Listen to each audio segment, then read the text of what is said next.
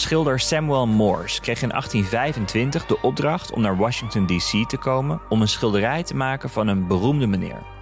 En toen hij daar druk aan het schilderen was, kwam er een koerier op een paard met een brief van zijn vader. En in die brief stond dat zijn vrouw ziek was, maar gelukkig wel aan de beterende hand. Gerustgesteld bleef Morse waar hij was, maar de dag daarna kreeg hij nog een brief. En daarin stond dat zijn vrouw plotseling was overleden. Morse liet alles vallen en spoedde zich naar huis, maar hij was te laat. Zijn vrouw was al begraven toen hij aankwam. En door de trage manier van communicatie, een koerier te paard, moest hij de begrafenis van zijn eigen vrouw missen. En vanaf dat moment had hij een levensmissie: een snellere manier van communiceren uitvinden, zodat anderen niet hetzelfde hoefden mee te maken. Tien jaar later vond Samuel Morse de Morsecode uit, die tot op de dag van vandaag gebruikt wordt. Vandaag gaan we het hebben over uitvinders. Ik ben Alexander Klupping. Welkom bij Goed Verhaal.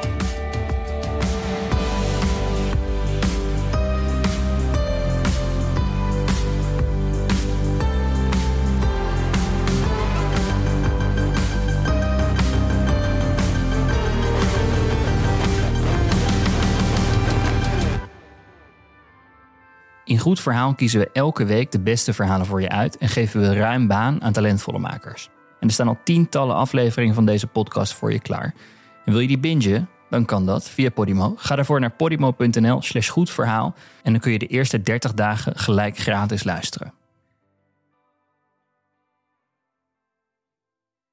Als ik vroeger bij mijn oma ging spelen, dan was ik gefascineerd door een klein zilveren kastje dat naast de vissenkom stond. Dat was een kastje met een draadje eraan en een lampje erop en een heel uitnodigend zilveren knopje. Mijn opa had dat ding gemaakt. Die had een lange draad van de brievenbus aan het begin van de oprijlaan gelegd naar dit kastje. En elke keer als de brievenbus open ging, dan ging binnen het lampje branden. En zo wisten mijn opa en oma dat de postbode was langs geweest.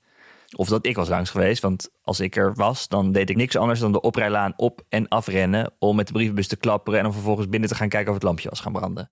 Hij had ook een systeem gemaakt met een lichtgevoelige sensor in een buis, waardoor als hij met zijn auto vanuit zijn werk kwam aanrijden en het licht van de koplampen precies op de juiste plek scheen, het hek automatisch open ging.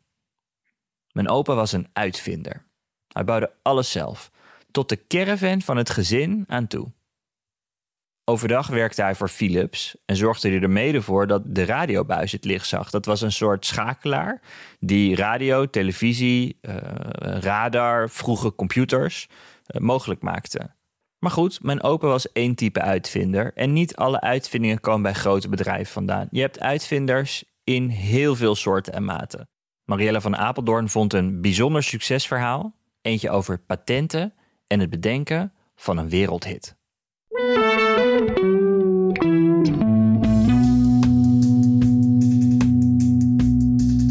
Mijn beeld van een uitvinder is denk ik vrij romantisch. Ik zie voor me een soort mega creatieve nerd, super slim en een beetje wereldvreemd. Iemand die de wereld echt een betere plek wil maken, die allemaal dingen oplost en die dan iets bedenkt wat nog nooit eerder bedacht is. En die daarna gevierd en herdacht wordt en die dus iets heeft gemaakt waar zijn naam aan hangt, voor altijd. Dat lijkt me heerlijk als je dat kunt. Als je een geniaal idee kunt bedenken. Want hoe doe je dat? Hoe bedenk je een idee? En wat als dan jouw idee de wereld ingaat en een wereldwijd succes wordt? En dat laatste, dat gebeurde in ieder geval bij de uitvinder die ik vond. Eigenlijk toevallig door een zoekopdracht op internet.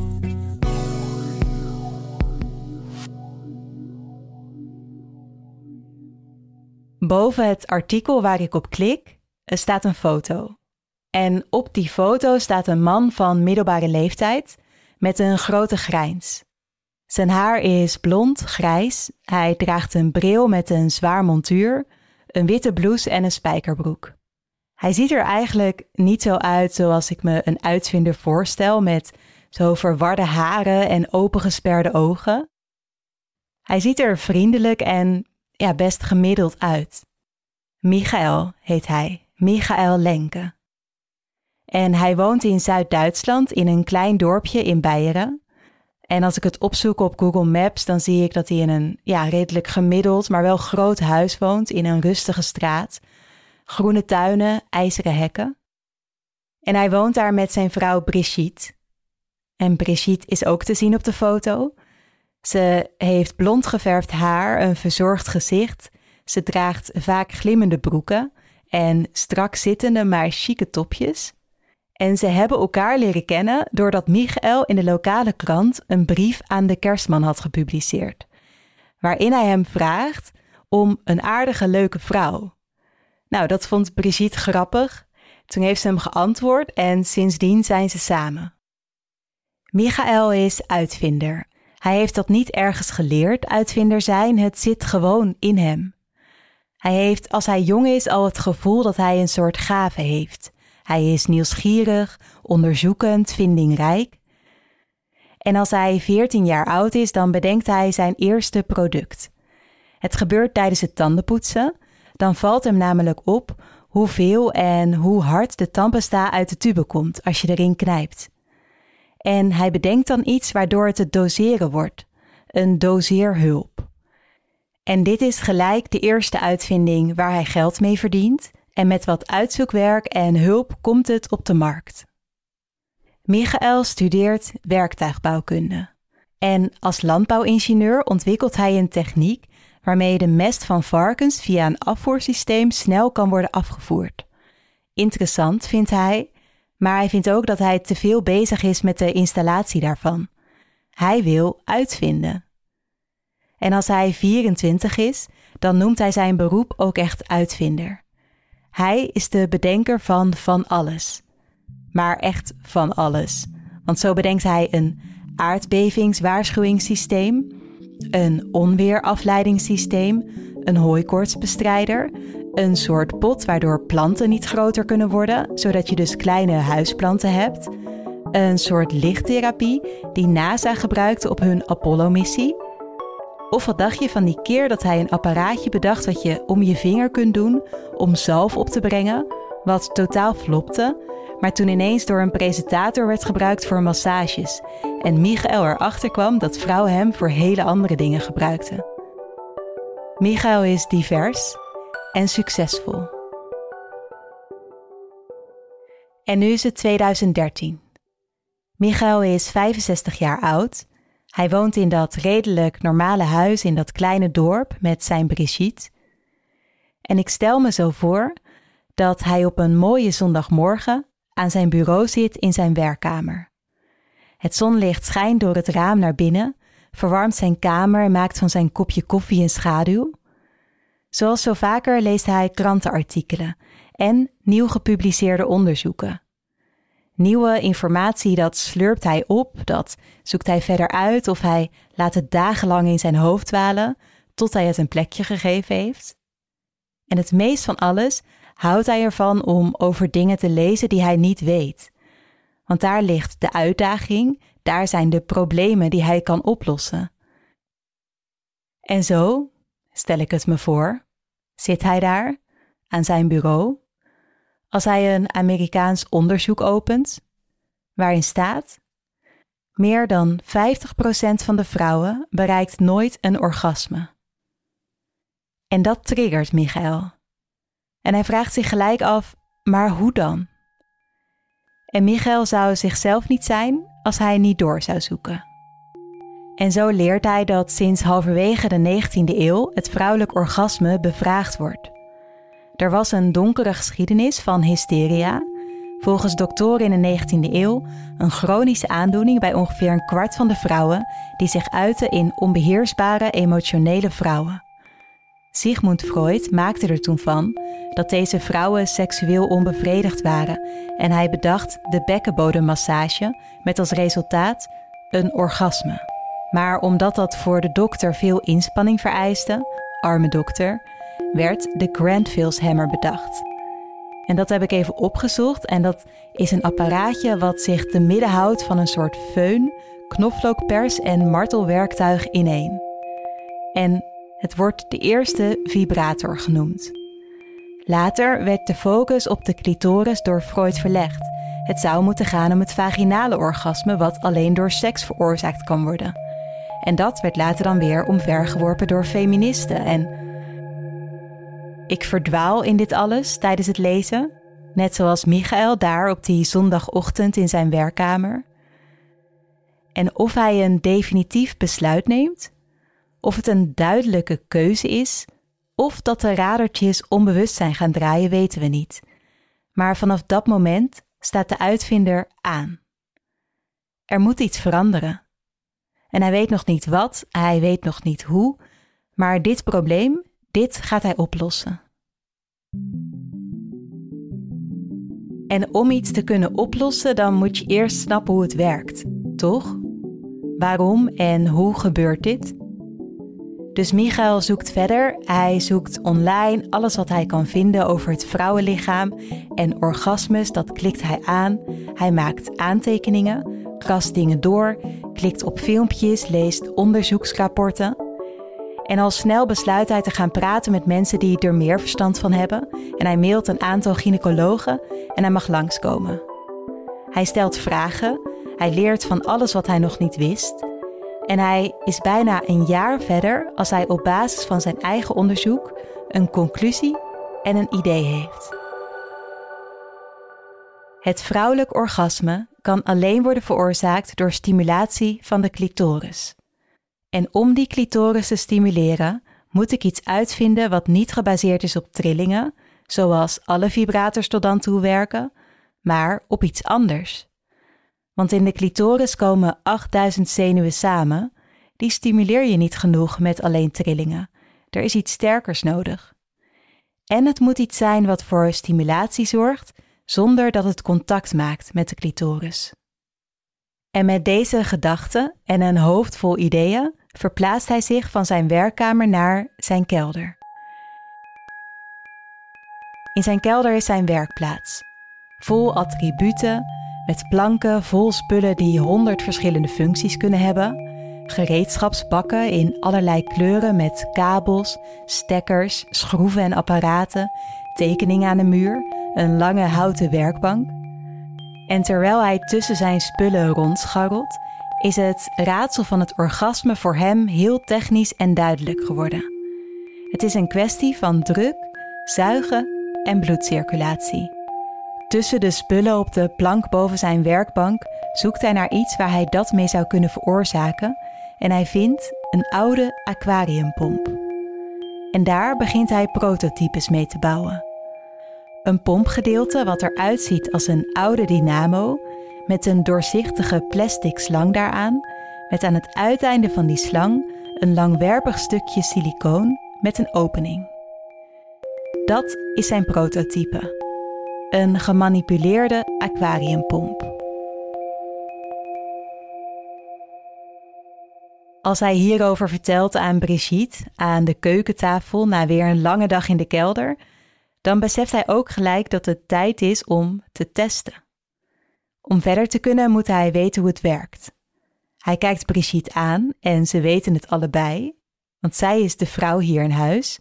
Zij is degene die heeft wat nodig is om te testen. Ze stemt toe en na een dag werken als bankier mag ze met het uiteinde van de slang testen wat het met haar doet. Ze zet hem aan. Het werkt. Op volle kracht. Het werkt. Technisch gezien werkt het.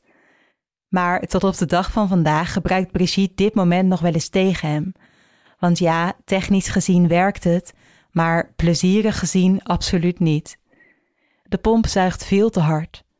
Het is een pijnlijke ervaring voor Brigitte en vanaf dat moment is het doel van Michael nog helderder. Iets maken wat Brigitte de beste ervaring geeft. En zo gaat de tijd voorbij.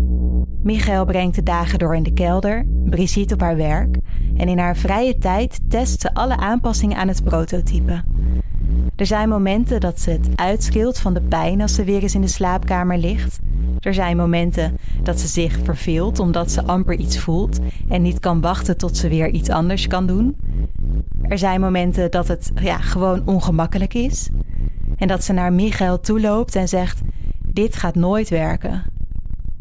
Maar Michael werkt door en zij test door En na een jaar is de aquariumpomp zo ver ontwikkeld dat hij goed af te stellen is. Van hard naar zachter en andersom. Er is een apparaatje ontstaan wat in haar hand past, langwerpig met ronde vormen en met een kleine siliconen holte aan het uiteinde die om de klit heen gaat en lucht verplaatst. Het zuigt en het laat los. Het zuigt en het laat los. Het zuigt en het laat los. Het zuigt en het laat los. Het zuigt en het laat los. Het zuigt en het laat los. Met een aanpasbare intensiteit stimuleert het de klit, zonder deze aan te raken. Een orgasme zonder seks, maar met luchtdruktechnologie. En als Brigitte de laatste versie in haar handen heeft, spreekt ze de legendarische woorden uit: Dit wordt een wereldwijd succes. En ze loopt weer terug de slaapkamer in. Maar Brigitte is niet de enige vrouw op de wereld waarvoor Michael de uitvinding maakt. Nee, hij wil natuurlijk alle vrouwen helpen. Dus hij heeft een testgroep nodig van meerdere vrouwen.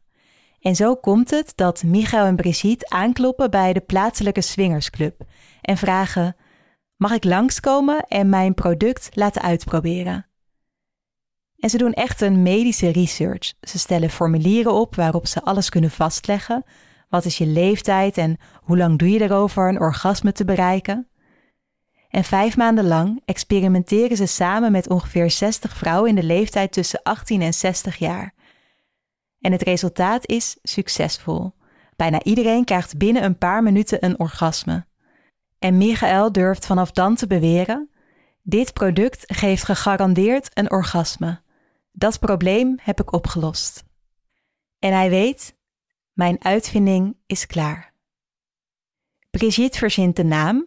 Het product is helemaal speciaal voor vrouwen, dus Brigitte verzint de Womanizer. En Michael vraagt het patent aan.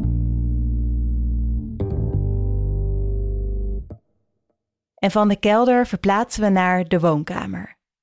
De Lenken sluiten wat deals met distributeurs en een producent om de Womanizer te maken en ze starten met het verkopen vanuit hun woonkamer. Michael wil het product verkopen voor 99 euro per stuk. Maar Brigitte zegt: Ben je gek? Het is 199 euro waard. En nog nooit heeft een seksspeeltje zoveel gekost. Hun woonkamer is het kantoor en Brigitte zit op de grote witte leren bank druk te bellen. In de ochtend met Hongkong en in de avond met de Verenigde Staten.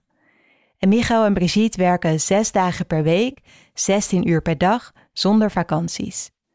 En de woonkamer staat vol met pakketjes en de hele dag verzenden ze via hun eigen webwinkel of Amazon.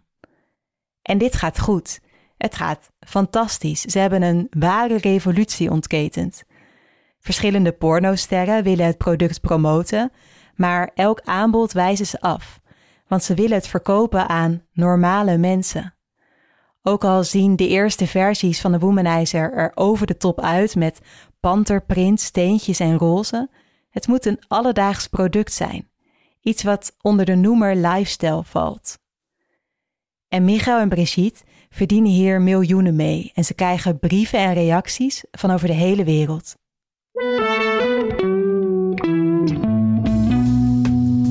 Holy shit, is de beste do-it-yourself ooit. Er kan geen mannenton tegenop staan. Wat een geweldig ding. Degene die dit uitgevonden heeft, die verdient een Nobelprijs. Ik woon in Paraguay en ik ben 60 jaar oud. En ik wist alleen wat orgasmes waren door televisie. Sinds ik jullie product... Nou, ik ben ouder dan 60 en ik heb nog nooit zoiets geprobeerd. Een geweldige nieuwe ervaring.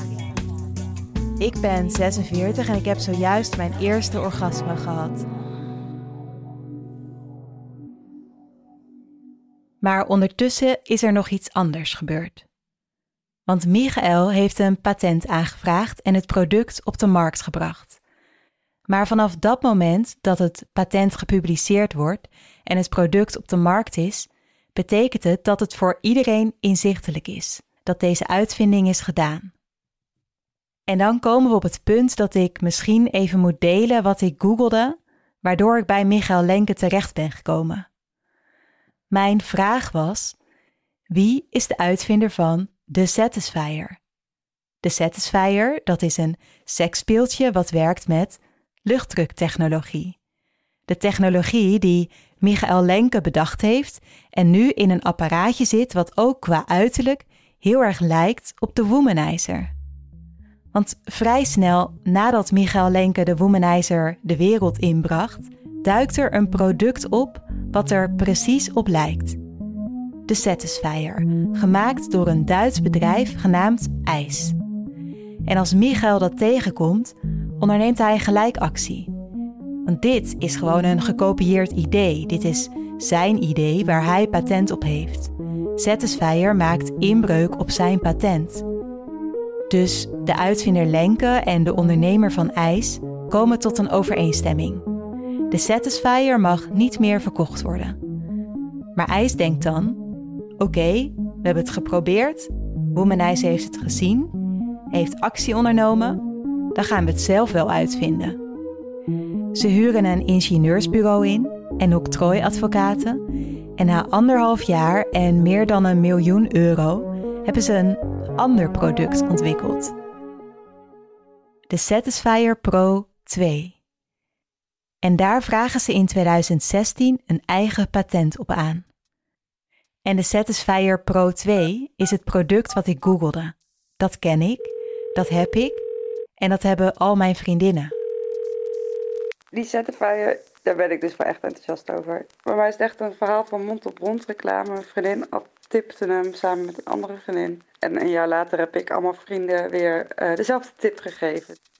Ja, heel chill vind ik hem. Echt een goed ding om te hebben. Ik kom er echt uh, heel snel door klaar. En zelfs als ik geen zin heb, dan zet ik hem er gewoon even op en dan gebeurt het gewoon. En ik kom er eigenlijk altijd mee klaar. Binnen korte tijd. Ik kan hem meerdere keren gebruiken achter elkaar. Het voelt voor mij ook een beetje als een vorm van emancipatie dat ik een Satisfier heb.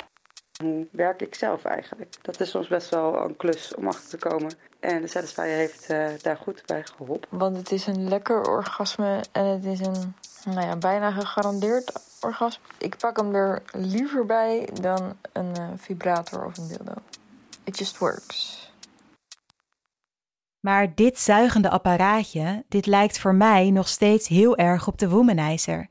Dit is toch gewoon Michaels uitvinding? Hallo, met uh, Mariella. Ik ben er.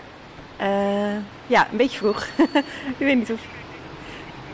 Uh, ja, ik sta nu gewoon bij de ingang. Moet ik... Om te snappen hoe dat kan, dat de Satisfyer Pro 2 ook gewoon een patent gekregen heeft, naast het patent van Michael, praat ik met Marco Kolen. Hij houdt zich bezig met patenten en is octrooigemachtigde. Hij heeft al mijn research uitgeprint en in een multimap op tafel gelegd en we bekijken de beide patenten. Nou, pak dat er even bij. Dus dit is een Satisfier, hè, dus een Europees patent uh, van IJs GmbH. Dat hebben ze ingediend in, uh, in 2016. En als je nou kijkt, nou, nou, gaan we wel een beetje details in, hè? Ja, dan wordt nee, leuk, maar hè? ik, ben, ik, ik wil dit snappen. Ja, komt-ie. Dus je hebt hier een claim 1 is wat ze primair proberen te beschermen met dit octrooi. En dan zie je hier heel dik staan, characterized in that. Ja. Dat hakt de claim in twee delen. Een deel erboven en een deel eronder. Wat daarboven staat, is volgens uh, het Europese octrooibureau en ook volgens IJs bekend. Dus, Ah, dat, ja. dus dat kun je in andere documenten vinden. En, maar bekend in de zin van uh, dat Womanizer dat heeft gedaan. Of iemand anders, ja, hè? gewoon in de wereld. Gewoon in de wereld bekend. Hmm. Dus dat, dat staat boven characterized in that. En dan heb je het tweede deel. En dat heet in het Nederlands het kenmerkendeel.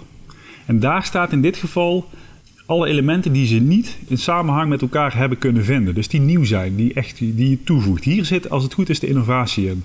Hmm. En dan kun je kijken, nou, wat, wat, wat, wat is dus blijkbaar de uitvinding? Of het vernieuwende. Uh, dat ze één enkele continue kamer hebben. Nou, dat is nieuw ten opzichte van de Womanizer, Ja. want die had twee kamers. Oké, die kamers, dat is iets technisch hoe de Womanizer opgebouwd is. Onder de holte die zuigt waar de lucht doorheen komt, dat is kamer 1, zit een andere ruimte, kamer 2.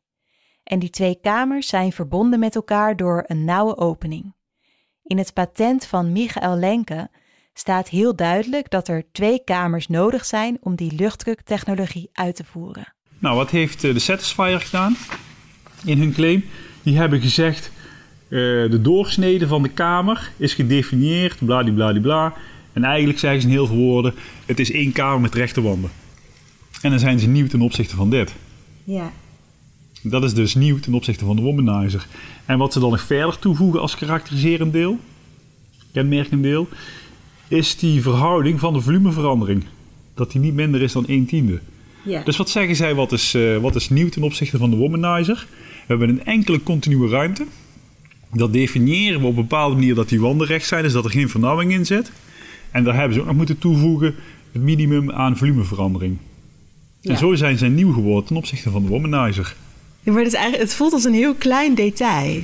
Dat is vaak ook zo. Echt hele radicale uitvindingen, echt wereldvernieuwende dingen. Die zijn er wel, maar er zijn veel meer incrementele innovaties. En dit is echt een incrementele innovatie. Uh, wat, is dat? Je de incrementele innovatie is dat je voorbouwt op iets wat er al is. Dat is ook waar je elke keer als octrooigemachtigde naar, naar gaat zitten kijken. Als iemand zegt je maakt inbreuk op, uh, op mijn octrooi. Nou, pakken we het octrooi er even bij en dan gaan we kijken of mijn product van mijn klant echt alle elementen die in die claim staan van dat patent in zich heeft. Mist die één van die elementen? Geen inbreuk. Als het om zulke kleine aanpassingen gaat, heeft Michael Lenke zijn patent dan gewoon niet veel te specifiek gemaakt? Vraag ik aan Marco. Dus als je kijkt naar dit octrooi van de Womanizer, dit gaat eigenlijk alleen maar over die eerste en tweede kamer, verbindingselement, dus eigenlijk de, de echte werking van het, hè, uh, van het kopje. En dan vervolgens gaat het over hele andere dingen. Hè? Dat het een, een batterij aangedreven hand, handapparaat is, staat in de claim. Dus als je niet batterij aangedreven maakt, dan val je er buiten. En dat er geen ventiel in zit. Blijkbaar hebben ze dus in de verleningsprocedure iets gevonden waar een ventiel in zat. En om daar afstand van te nemen, hebben ze dan hier toegevoegd dat er geen ventiel in zit. Dus dan kun je best wel uh, elementen aan je claims toevoegen, waardoor de beschermingsomvang weer kleiner wordt. En dan lees je dat achteraf en denk je, ja, waarom hebben ze dat toegevoegd? Ja, waarschijnlijk omdat er dus een, een, document voorbij is gekomen in de verlening wat ze niet verwacht hadden. En, en in dat document, wat staat er dan in? staat waarschijnlijk uh, een apparaat met, uh, waar je iets mee druk kunt uh, variëren, waar een ventiel in zat. Ja. Dus een heel bizar voorbeeld, een fietspomp bijvoorbeeld. Ja, dat komt al in de buurt, want als je dat ding die, die omhoog of omlaag doet, dan, gaat, dan zuig je lucht aan of hij blaast hem ergens in. Nou ja.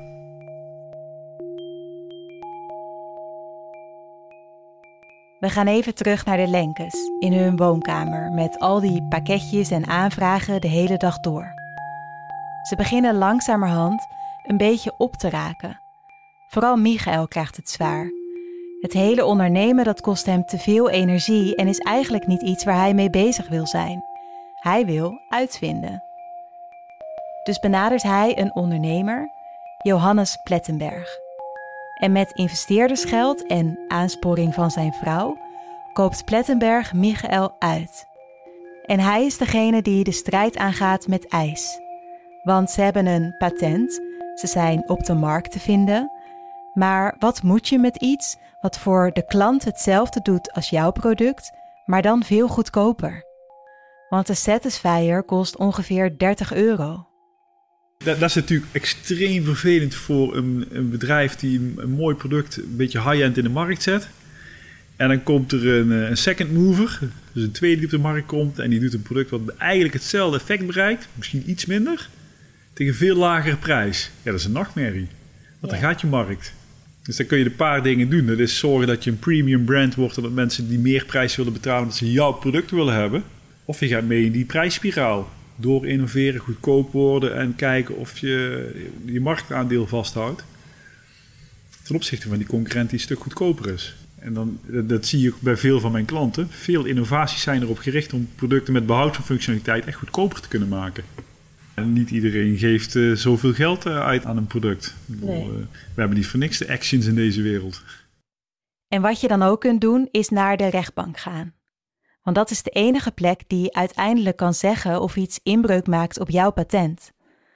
Want ook de Satisfyer Pro 2 maakt nog inbreuk, zegt Plettenberg. Dus hij stapt naar de rechtbank en daar oordeelt de rechter. IJs maakt met hun product inbreuk op het patent van Womanizer, zegt de rechter. Er zijn genoeg kenmerken te vinden uit de claim van Womanizer die ook in de Satisfyer zitten. Ik vind een reactie van Plettenberg waarin hij zegt: Dit bewijst eens te meer de kracht van onze patenten. In de toekomst zullen we doortastend optreden tegen ijs en andere imitators van onze technologie. IJs moet alle Satisfyer Pro 2 apparaten terugroepen en ze mogen het niet meer verkopen in Duitsland. Maar dat is Duitsland en de wereld is groter. Dus de volgende rechtszaken die ik vind zijn op een andere grote markt: Amerika. Meestal vraag je octrooien aan in landen waar je er ook echt wat aan hebt. Dus als je naar Europa kijkt, wat, wat pak je dan voor landen? Ja, Duitsland, Frankrijk, Engeland. Dan heb je al een heel groot deel van de Europese markt te pakken. En op de grote markten gaat het spel door. In Amerika is Satisfyer ineens degene die Womanizer aanklaagt. Marco laat mij een document van deze rechtszaak zien, waarin staat dat het niet eens om de originele Womanizer gaat, maar om een doorontwikkeling, een versie met een dildo. Dus Satisfyer doet daar in Amerika voor de rechtbank een poging om het octrooi wat Womanizer op dat product heeft kapot te maken. Mensen, dat zou mijn logica zijn. De Satisfyer valt dat octrooi in Amerika aan omdat ze last hebben van dat octrooi in Amerika. Ja, wanneer heb je last van een octrooi in een land als je het, een product op de markt wil brengen met wat onder dat octrooi valt? Anders ga je niet dat geld investeren. Ik vond het ook grappig dat ik in de rechtszaken meerdere pogingen van Plettenberg tegenkom om de eigenaar van IJs te overtuigen om aan hem te verkopen. De twee mannen zaten bijvoorbeeld in een sauna van een hotel, want Plettenberg stond erop dat ze daar zouden afspreken omdat hij bang was dat de eigenaar van IJs het gesprek zou opnemen. En hij probeerde een licentieovereenkomst te sluiten voor de rest van de wereld, maar wel met de voorwaarde dat ze weg moeten gaan van de Amerikaanse markt. Later stelt hij voor om de beide producten in de VS tegen vergelijkbare prijs te verkopen en de markt te delen in plaats van concurreren. Het bod was misschien niet hoog genoeg, niet aantrekkelijk. Los even van vetus natuurlijk, hè, waardoor je heel irrationele beslissingen gaat nemen. Maar als je hier rationeel naar kijkt, ja, je bent een ondernemer en uh, je kunt daar uh, winst op maken. En het is een hele goede deal voor je. En je, hebt andere, en je kunt doorondernemen met andere dingen of zo. Nou, dan kun je natuurlijk best genegen zijn te zeggen van ik, ik, sluit een deal met je. Maar blijkbaar was er tussen die twee personen op die plek geen klik. En, stel dat Womanizer de sets of IJs GmbH opkoopt er is ook geen aanleiding meer voor dit soort ruzies. Hè. Dan kun je ook die, die twee portefeuilles misschien wel op een hele andere manier gaan uitnutten. Misschien komt er wel een heel nieuw product uit. In een markt van seksspeeltjes die zeker sinds de coronatijd groot geworden is, wil Plettenberg de grootste worden, zegt hij in een interview. Wij kennen de markt, we hebben een goed team en we hebben een hoog competitiegehalte. Zou het hem ooit lukken om ook Satisfyer en alle bijbehorende patenten gewoon bij de Womanizer te voegen? En ik denk ook niet dat die zomaar hoeft, want ja, uh, maakt de Satisfyer eigenlijk wel inbreuk. De Satisfyer heeft een prima positie. Ja. Met, met een wat goedkoper product waar ze waarschijnlijk toch nog steeds goed aan kunnen verdienen.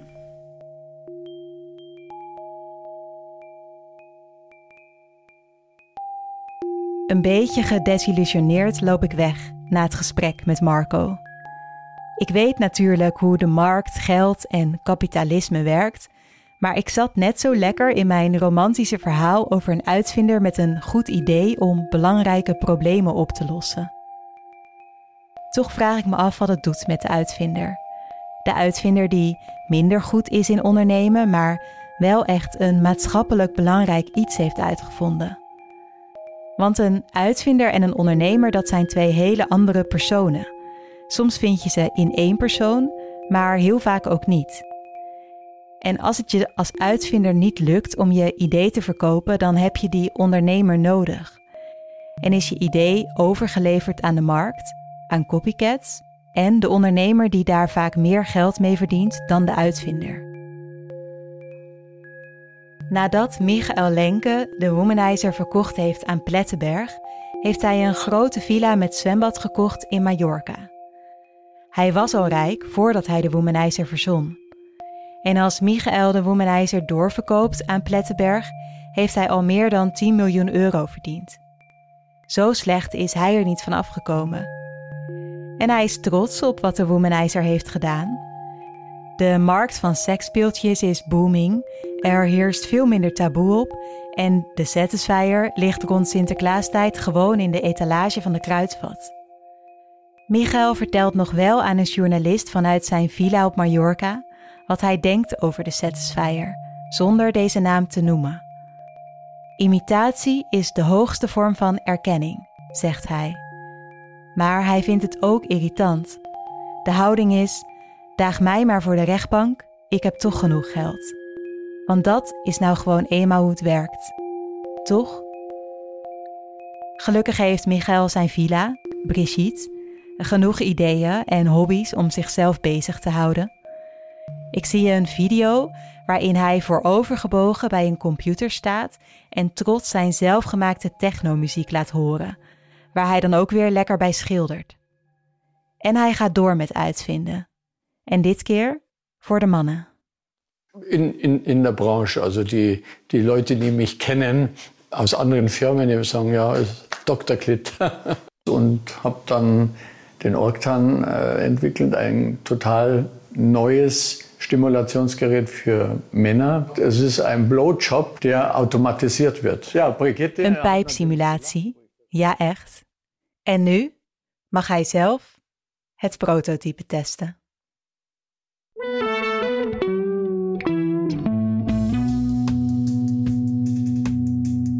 Deze aflevering van Goed Verhaal werd gemaakt door Marielle van Apeldoorn. Te volgen via de website mariellevanapeldoorn.nl of gelijknamige Instagram. Het geluidsontwerp is door David Zwarts. Ook dank aan Marco Kolen, octrooigemachtigde en werkzaam bij AOMB.